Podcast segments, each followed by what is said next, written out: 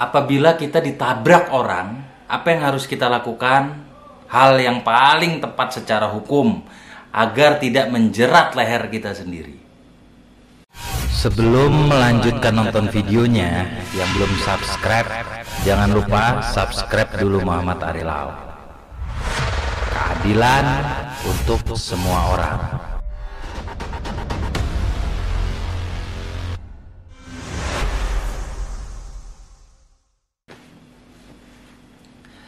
Assalamualaikum warahmatullahi wabarakatuh.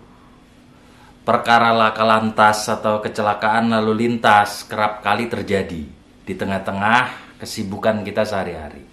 Lantas apa saja yang dibolehkan dan yang dilarang? Dan hal yang tepat apabila kita ditabrak orang dan orang yang nabrak itu tidak ada itikat baik untuk mengganti.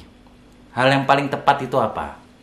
Yang jelas yang pertama kita dilarang menyita STNK, KTP, SIM karena penyitaan itu hanya boleh dilakukan oleh penyidik.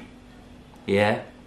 Di pasal 1 angka 16 Kitab Undang-Undang Hukum Acara Pidana atau KUHP, penyitaan adalah serangkaian tindakan penyidik untuk mengambil alih dan atau menyimpan di bawah penguasaannya benda bergerak atau tidak bergerak, berwujud atau tidak berwujud untuk kepentingan pembuktian di dalam penyidikan. Jadi, masyarakat sipil, masyarakat biasa ya, itu dilarang dan tidak boleh menyita barang milik orang lain sekalipun dengan alasan dia menabrak. Paham ya, masyarakat harus cerdas nih. Jangan sampai menjerat leher kita sendiri. Ya. Lalu bagaimana, Bang? Apabila kita ditabrak sama orang, orang itu tidak bertanggung jawab, dia ngotot. Apa yang harus kita lakukan?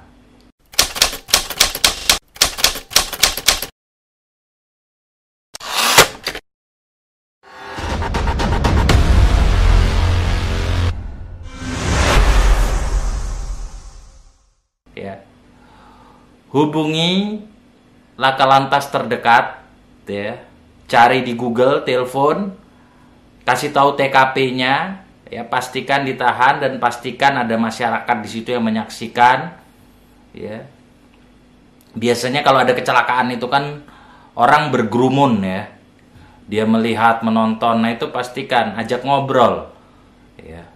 Minimal dua orang di situ ya, yang melihat yang memastikan dia melihat ajak ngobrol ya. Jangan takut biarkan nunggu polisi datang untuk olah TKP Nanti di dalam proses penyidikan maka lantas itu biasanya dimediasi. Nah, di situlah yang aman untuk mendapatkan ganti rugi agar dilakukan restoratif justice. Ya, kalau tidak perkara naik. Jangan main hakim sendiri ya. Jangan menyita STNK SIM bahaya. Karena kalau kita menyita STNK SIM terus kita pulang ya tanpa adanya proses hukum yang jelas saat kita ditabrak orang ya si penabrak itu bisa melaporkan kita dengan pasal 362 KUHP yang isinya barang siapa mengambil seluruhnya atau sebagian kepunyaan orang lain dengan maksud secara melawan hukum ya Artinya kita mengambil barang milik orang lain. Itu kita bisa dikenakan 362. Kayak di KUHP ada beberapa pasal tinggal dicocokkan nanti. Jadi hati-hati sekali di dalam menangani masalah laka lantas jangan sampai salah. Karena banyak sekali di luar sana kecelakaan kita yang jadi korban tapi berujung pidana. Justru kita di penjara karena kita menahan SIM, STN ke orang. Mudah-mudahan video ini bisa bermanfaat karena keadilan untuk semua orang. Semua orang harus merasakan keadilan. Keadilan itu baru bisa kita peroleh kalau kita memiliki ilmunya, kalau kita tahu. Oleh karenanya ikuti terus channel ini. Assalamualaikum warahmatullahi wabarakatuh.